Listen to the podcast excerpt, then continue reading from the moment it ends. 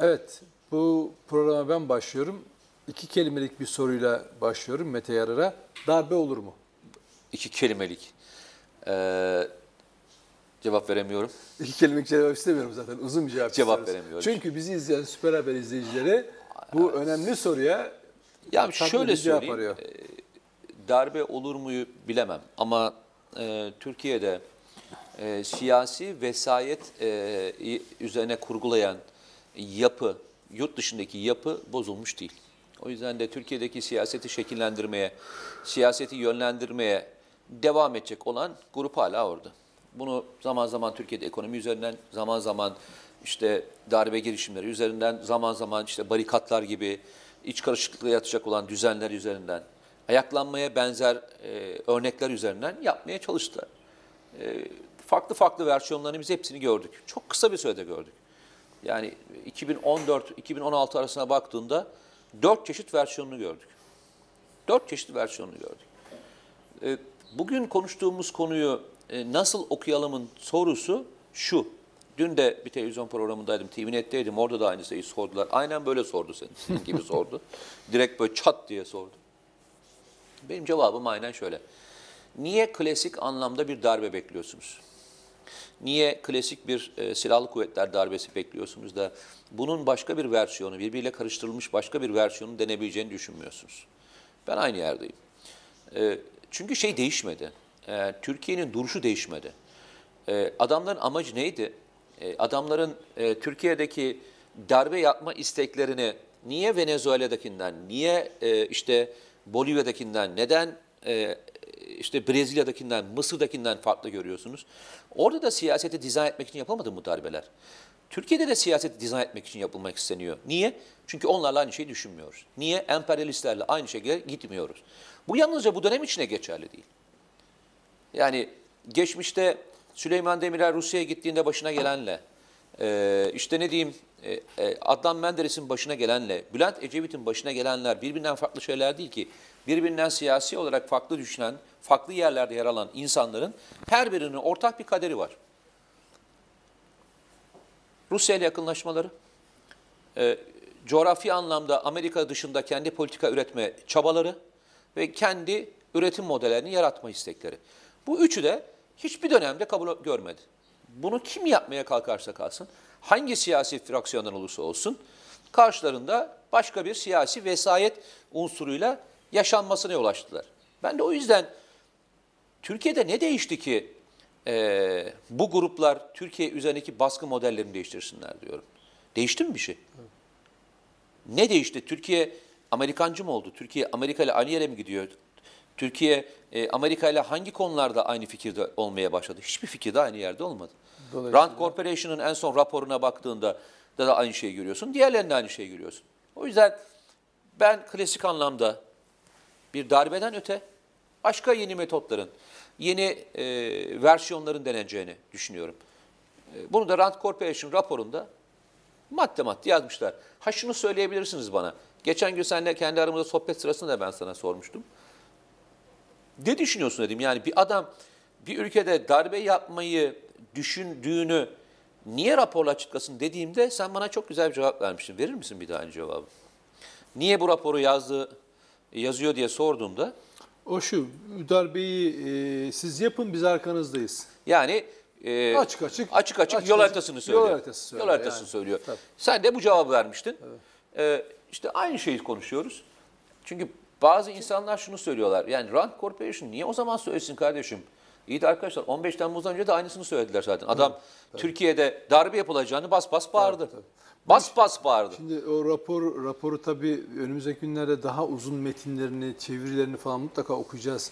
Ee, bir yerlerden yani çünkü bakıyorum gitgide uzun metinler daha çok yayınlanmaya başlıyor. Onun üzerine makaleler, değerlendirmeler. Çünkü Rand raporunu okuduğunuz zaman yani gördüğünüzde Türkiye'nin bir 10-15-20 yılına bir perspektif çizdiğini. Bu sadece e, işte darbe veya ordudaki e, kızgın ya da e, şey e, FETÖ'cüler konusu değil, darbe olasılığı değil, siyasete de yön veriyor. Yani muhalefetin nasıl oluşması gerektiğini dair bir çizgi veriyor. Türkiye'nin uluslararası e, politikasının nasıl olması gerektiğini Bütün önceliklerini yani S-400'ü aldı, aldı, açar kullanırsa ne olur? Olmazsa ne olur? Türkiye NATO'ya yaklaşırsa ne olur? Rusya ile giderse ne olur? Arada birleşirse... Yani bu tamamen Türkiye'de siyaset yapmak isteyen e, herkesin eline tutuşturulmuş bir kitapçık. Amerika diyor ki arkadaş bizim seçeneklerimiz şunlar. Bunlara uygun bir tanesini seç kendine. Olmazsa bak bizim diğer şıklarımızda duruyor. Bunlardan bir tanesi de darbe diyor. Yani diyor ki TSK içinde bu da işe, işe tevessül edecek olanlara ister NATO'cu ister FETÖ'cü deyin. Siz de yapın. Yaparsanız biz de arkanızdayız Ama diyor. NATO'cu subay yokmuş. Efendim? NATO'cu subay yokmuş. Bu Bu senin uydurman. O NATO'culuk şöyle, NATO'culuk bir kafa, bir zihniyet. Yani ülkesiyle ilgili bir konuyu konuşurken ama biz NATO dediği an orada iş duruyor. Sen bugünlerde bir e, beyanat mı verdin bir yere şöyle bir şey? E, birisinin FETÖ'cü olduğunu anlamak için NATO bir şey öyle bir şey mi söyledin? Bir, bir Twitter'da bir bölüm gördüm. Yok bu Süper Haber dün akşam Ha, kullanmış. Ha, neydi? FETÖ'cü- fe- şey NATO'culara dikkat edin. Yani NATO'ya bağlı izleyenlere dikkat edin. Ha, öyle bir şey söylemişsin. Siyasetçiler Tam nasıl söyledin o cümleyi? O şöyle işte yani bu Na- NATO konusu çok böyle öncelleniyor, güncelleniyor böyle. Gitgide de böyle tartışmalar odağına Ama bütün geliyor. darbelerden sonra ilk söylenen kelime Çünkü o- biliyorsun. na- Hayır biliyorsun değil mi? Efendim? Tabii. Bütün darbelerden sonra söylenen laf şudur. NATO'ya bağlılık uluslararası anlaşmalara taahhüt ediyoruz derler. Tabii şeyde e, dün, e, o da program sırasında Habertürk'teki program sırasında gündeme geldi. Ben darbelerin her, hepsinin arkasında emperyalistlerin olduğunu hatta buna çok da yere göre konulamayan bazıları kesim tarafından 27 Mayıs'ın da bu olduğunu nitekim NATO'ya, SENTO'ya bağlıyız lafının oradan başlayarak bütün süreçlerde önümüze geldiğini söyledim. O yüzden dedim ki NATO'ya, SENTO'ya bağlıyız kim diyorsa bu siyasetçi asker falan dikkat edeceksiniz. İşte orada bir Lafın buydu yani. Tabii tabii. Çünkü Süper ama süper haber ama şey yapmış. güzel yapmış. Flash flash flash. Ha, Tabii canım NATO NATO'cuyum diye yani orada NATO'ya dikkat, NATO'ya bağlıyız diyenlere dikkat. Yani hiç önemli değil. İçeriğinde yazıyor. Merak eden orada okusun. Benim muradım. Arkadaşlar güzel bir haber yapmışlar ondan. Niye önemli? Çünkü bakıyorsunuz diplomatlar, bazı diplomatlar, bazı askerler yani o, o kalibre, o eğitimden geçmiş insanlar belli ki başka bir şey düşünemiyor. Kötü niyetle aramıyorum artık. Ya adam diyorum böyle formatlanmış. Mesela ülkesiyle ilgili bir şeye geldiği zaman şu şeye alışmış asker de olsa, eski bir asker de olsa diplomatla alışmış. Yani rütbeleriyle hep diplomat olarak kalmışlar. Yani belli bir çatışma şeyine, gerilime gidebiliriz. Ama orada artık akıl devreye girer. Biz işte e, NATO'ya bağlı bilmem ne falan Şey filan. yapmayalım peki? Yurt dışına hiç adam göndermeyelim mi eğitime eğitime? Zaten şey yani o a- a- bakın yani a- şeyin Ben, sert, seni, ben sert seni gücün- kızdırmak için konuşmuyorum. Yok sert gücün yani bu askeri gücün çok fazla kullanıldığını veya ileri gidildiğini söyleyen çok kesimler ortaya çıkmadı, çıkmaya başladı. Niye? Bu gücü kullandıkça oyun bozuluyor. Diplomaside eliniz güçleniyor. Bu da birilerine hoşuna gitmiyor. O yüzden ajantalarına, ajantalarına bunları söyletiyorlar burada. Şey çok, belli. önemlidir. Mesela sen, sen şimdi e, bunu konuşurken aklıma geldi. E, Amerika kıtasındaki e, birçok ülkedeki e, darbeciler Amerika'da eğitim alan subaylardır. E, mesela Afrika kıtasındaki ve Orta Doğu'daki geçmiş olan ekolde Rus ekolünden gelen, Rusya'da eğitim alanlardır. İşte Hafter'inden tut. Mesela Cezayir'deki birçok general hep şeyden almıştır eğitimini. E, Rusya kökenlidir. Mesela Yemen bir ara neredeyse tamamı Rusya kökenliydi. İşte bir ara Irak'takiler Rusya kökenliydi. Suriye'dekiler Rusya kökenliydi. Dikkat ediyorsan e, bunu bir devşirme aracı olarak da kullanmışlar. Onu söyleyelim. Ama bu şu demek anlamına gelmiyor. Her yurt dışına giden devşirilmiş anlamına falan gelmiyor. Onu söylemeye çalışmıyoruz. Ama bunu bir fırsat olarak değerlendirmişler. O fırsatı Bir fırsatı değerlendirmişler. tamamı devşirilmişlerden çıkıyor zaten. Ya problem o. E, bu devşirme fırsatı olarak değerlendirmişler. Rand Corporation raporunda da sahiden öyle demiyor mu? Üstad, zaten Devamlı e, bağı kopartmayalım. Tabii. Özellikle o değişim programlarını Evet. devam ettiren lafının arkasında bir kez daha söylüyorum. Lafımız herkese değil. E, çok yiğit insanlar e, oraya gidip onlardan bilgi alıp gelip e, Türkiye için çalışmıştır. Çalışmaya devam ediyorlar. Hala da zaten yüzlerce insan var. devşirilmiş olmadığı için de bu işlere tevessül etmezler. Ama bunun bir yöntem olduğunu, bunun Tabii. bir e, ilk bağın kurulması anlamında, bir irtibat kurulması anlamında bir fırsat olarak değerlendirdiklerini de unutmamak lazım. Sen herhalde onu kastediyorsun. Hocam bu Yoksa bütün de böyle. NATO'da görev yapanları Medya- NATO'cu tabirini kullanmıyor. Çünkü bu- bu bir- o şöyle, günden beri şu tartışılıyor. bu- NATO'ya giden herkes bu mudur? Hayır, hayır. diye bir noktaya Değil, doğru değil. gitti çünkü. Ya bu bir zihniyet. Bu NATO'cu lafı biraz siyasi bir şey, tanımlama gibi oldu. Ya Avrasyacılar Bunun- gibi Bunun, mi? bunun tabii, bunun e, medyaya, medyada da var mesela. hı. Hani adamın dünya görüşü Türkiye'ye bakarken Amerika üzerinden okuyor. Yani Rand Corporation raporuna e, mesela bir gazeteci aynen şunları yazıyor. Bak Türk gazeteci aynen şunu yazıyor. Rand raporundaki şeyler benim çok zaman duyduğum, katıldığım bilmem ne eleştirileri zaten şey barındırıyor falan filan diyor. Yani o gözle okuyor şeyi. Türkiye'de öyle- bana bir önceki yayında darbe isteyenler var falan dediğimde vay var mı diyordun. Hayır. Takılıyorum o, yani. O, o darbeyle ilgili bu yani Türkiye darbe olsun olmasın fark etmez.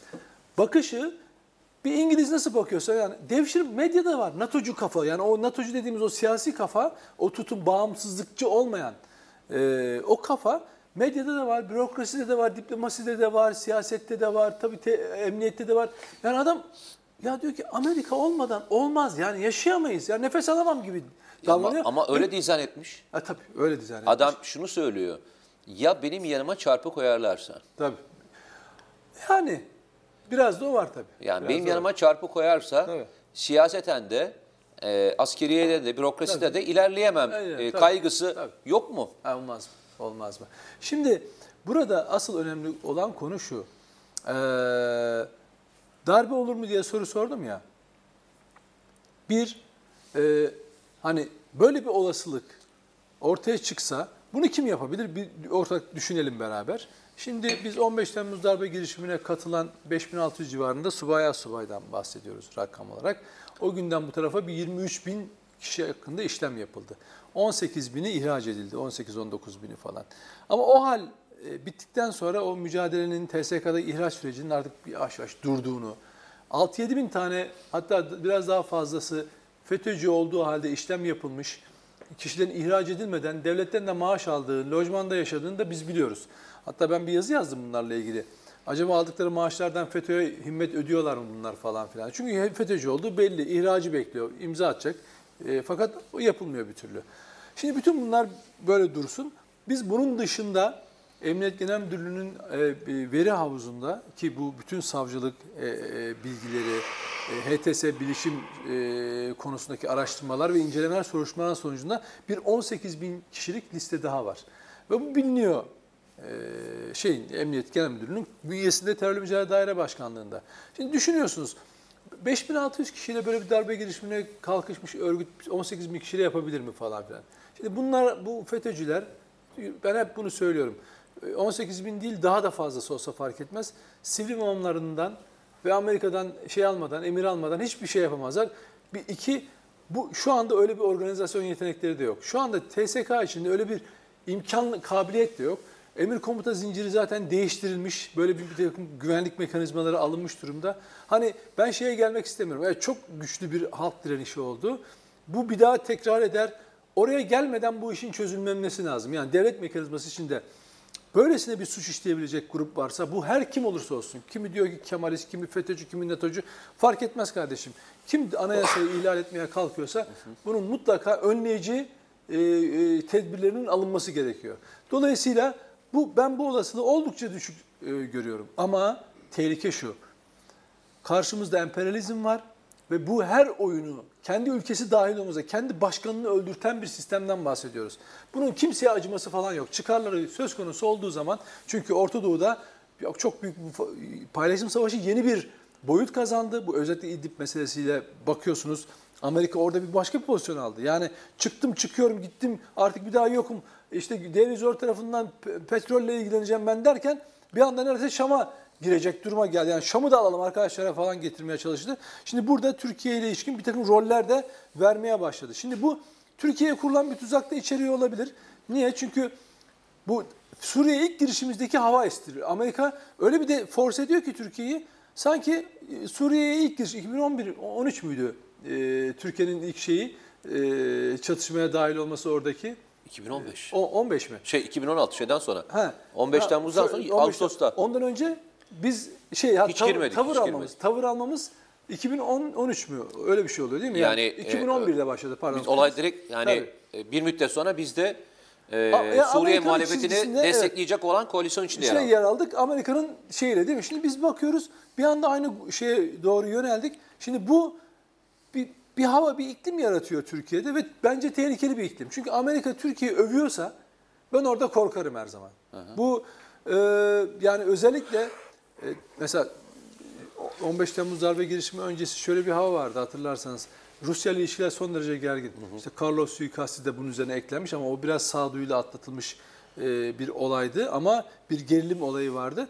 Fakat şimdi biz İdlib üzerinden Rusya ile bir gergin ve Amerika bizi çok fazla destekleyen, NATO'yu çok önemseyen, Destekliyormuş havasında en e, azından. estiren bir görüntü arz ediyor. Dolayısıyla böyle bir durumda, tam böyle kritik aşamalarda siyaset, liderlik, devlet yönetimi çok önem kazanıyor. İşte bu an öyle bir an ki bu FETÖ'cü dediğiniz dediğimiz e, kötülük örgütü veya başka bir şekilde, başka bir renk görünümünde ortaya çıkabilir. E, Gelir, Carlos suikastında olduğu gibi bir devlet büyüğüne, bir üst düzey yöneticiye, bir siyasetçiye, bir, bir- bir önemli bir komutana falan bir suikast yapabilir. Çünkü biz varlıklarını biliyoruz. TSK'da varlığını biliyoruz, yargıda biliyoruz, emniyette biliyoruz. Var. Nitekim Carlos suikastini işleyen polisle ilgili normalde bir asayiş polisi hiç böyle bir e- ekstrem bir durumu yok. Böyle bir şey işleyebileceğine dair dış bir gözlem yok. Ama FETÖ bunu çok ince ve ağır ağır çalıştırmış. MIT içindeki uzantılarından Karlov'un güzergahları bile belirlenmiş ve suikast işlenmiş. Ve ilginçtir ki suikast işlediği sırada bir İslamcı güya işte Nusra grubundan e, olduğunu gösterecek sloganlar da atarak Türkiye'nin başını çok büyük belaya sokmaya çalışan bir cinayet işliyor. Biliyorsun o zaman İdlib'deki gerilim vardı. Değil mi? Tam Tabii. İdlib gerilimi üzerine, Gerilimi üzerineydi. e, bu olay yaşanmıştı. Tabii, o yani- zaman tabii, yaşanmıştı. tam tam Türkiye'yi Rusya ile tam kafa kafaya bir daha çarpıştırma e, projesiydi.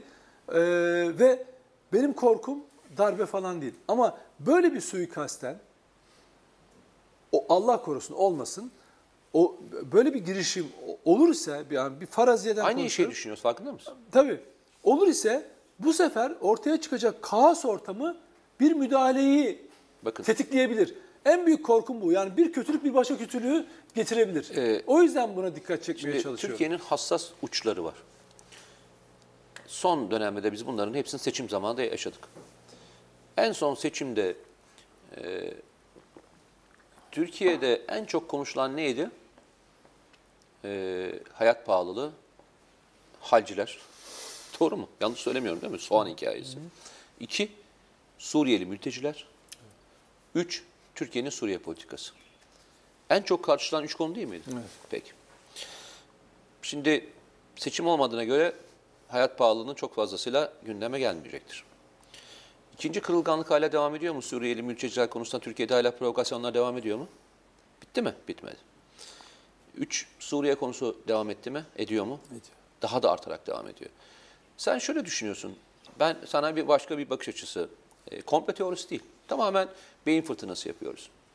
Türkiye'de hala böyle anlı şanlı geçmişte görev yapmış bazı komutanlarımız e, şey söylüyorlar mesela işte televizyona çıkıp işte e, duyuma göre e, işte Libya'da askerlerimiz esir alınmış falan diyebiliyorlar. Var mı bunu diyen gerçekten? Ben sana birazdan videosunu seyrettireceğim. Esir düşmüş diyen insanlar var.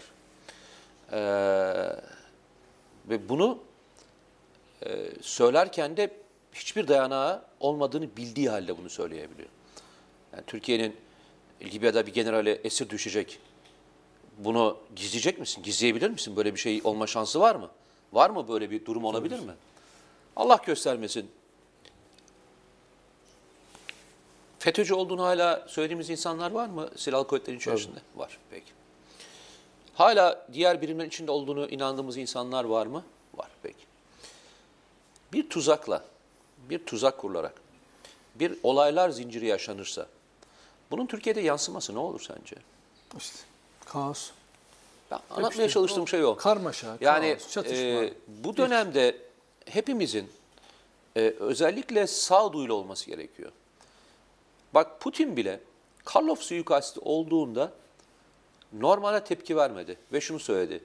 Biz bunun arkasında Türkiye olmadığını biliyoruz dedi hatırlarsan Karlov suikasti sırasında. Bunun bir tuzak olduğunu farkındayız. Benim de herkese tavsiyem. Eğer darbe konusu bu kadar konuşuluyorsa, Rand Corporation konusu konuşuluyorsa, Türkiye'yi seven bütün vatanseverlerin, sen öyle diyorsun, yurtseverler diyorsun değil mi? Öyle kullanıyorsun. Yurtseverlerin tamamının dikkat etmesi gereken bir konu var. Lütfen bir 48 saat bekleyin. Lütfen. Yorum yapmadan önce yaşanan her olayla ilgili lütfen bir 48 saat bekleyin. 48 saat iç- içerisinde gerçekten durumun ne olduğunu anlamaya çalışalım. Çünkü o belirsizlik Türkiye'de kaosu yaratıyor. O kaosun yaratmak istemiyorsanız, darbe veya darbe yaşanacak olan süreçlerin bir parçası olmaz, olmak istemiyorsanız, ben 24 saat edemiyorum bak, 48 saat diyorum. Evet. 48 saat bir bekleyin. 48 saatin sonunda bir ortak gerçek ortaya bir çıksın. Ondan sonra e, başka bir yere gideriz. Çünkü e, ben kendim işim gereği İdlib sahasını, Libya sahasını çok takip ettiğim için kimin ne söylediğini takip ediyorum. Kimin ne yazdığını da görüyorum. Eğer bugüne kadar yazılanları toplamış olsaydım bizim onlarca generalimiz ölmüş veya esirdi. en az 1000-1500 askerimiz de kayıptı. Bak bu kadar söylüyorum. O bütün herkesin söylediğini alt alta yazdım. Ve bunların çoğu da gazeteci. Bunların çoğu, bir kısmı asker, eski asker. Bir kısmı sahada bulunan insanlar. Bir kısmı işte e, başka bir konuyla ilgili popüler insanlar. Yani sıradan sahte hesaplardan bahsetmiyorum. Bildiğin adıyla sanıyla olan insanlardan bahsediyorum. Bu nedenle bekleyin kardeşim ya bir 48 saat bekleyin ne yaşanacak? Çünkü İdlib sahası bütün tuzakların kurulabileceği en müsait arazi. Evet. En müsait zemin. Bu kadar kargaşanın olduğu, bu kadar e, sıkıntının olduğu bir yerde tuzak da kurulur. Evet. 40 tilki var. Kırkının da kuyruğu birbirine değmiyor. Eğer bir dolambaç olursa buradan kaç tilki sağ çıkacak bilmiyorum bak söylüyorum. Değmeyen tilkiler bir birbirlerine dalarlarsa buradan kaç tane tilki sağ çıkacak bilmiyorum. O yüzden sabırla beklemek lazım. Ee, ha yanlış yapıldıysa 48 saatin sonunda hep beraber eleştirelim. Ama bir 48 saat bir derin nefes alıp bir sakince bekleyip olduğundan ne olduğunu öğrenip ondan sonra ne yapacaksınız, ne yapmak istiyorsanız, ne tepki vermek istiyorsanız bir 48 saatin sonunda verin. Çünkü her an her türlü yalanın servis edildiğini görüyorum. Ben hiçbirini paylaşmadığım için ama bana bana düşüyor. Bana düşüyor ilgi alanım olduğu için. Ve her birini görüyorum ve her defasında hayretler içinde kalıyorum. Sen de mi be kardeşim, sen de mi, sen de mi, sen de mi dediğim insanlarla karşılaşıyorum. Bunu ben diyorsam bilmeyen insanlar acaba nasıl bir panik havasına girebilirler? Onu da e, söyleyip bitirelim. Evet. Darbeyi için zemini biz yaratmayalım. Doğru mu? Evet. Aynen. Darbe zeminini biz oluşturmayalım. Onun meşru gördüğü, kendisine göre meşru gördüğü o hukuki, siyasi ve psikolojik zeminin bir malzemesi olmayalım arkadaşlar. Ee, çok teşekkür ederiz bizi takip ettiğiniz için. Bu hafta biraz e, maalesef e, iç siyasetin e, gündemi bunu belirlediği için biraz FETÖ ve darbe üzerine konuştuk. Çünkü Türkiye de bunu konuştu. Ee, Türkiye'nin konuştuğunun dışında e, bir yerde yer almak da çok doğru değil. İki konuya da böyle bir e, giriş yaptık. Aklı selim olalım arkadaşlar. Memleketimize gülelim. Milletimize gülelim. Milletimizin ferasetine ve o sağduyusunun e, önemini bir kez daha kavrayalım. Var mı eklemek istediğim bir şey? Teşekkür ediyorum. Görüşmek üzere. Ha, bu arada e, unutuyorduk bak çok kötüsün. E, bu arada kitabımız çıktı Ceyhun Bozkurt'la beraber. Mesih Tanrı'yı kıyamete zorlamak isimli kitabımız çıktı. E, salı günü işte bugün salı e, kitapçılara dağıtılmaya başlanacak. Muhtemelen bu hafta sonundan itibaren ve e, internet üzerinden satışa sunulacaktır. E, okursanız, e, ilgi gösterirseniz bize memnun edersiniz. İnşallah okuyucusu bol olur arkadaşlar. Evet, yolu açık olsun Eyvallah. kitabının. Eyvallah. Kendinize çok iyi bakın. Görüşmek üzere.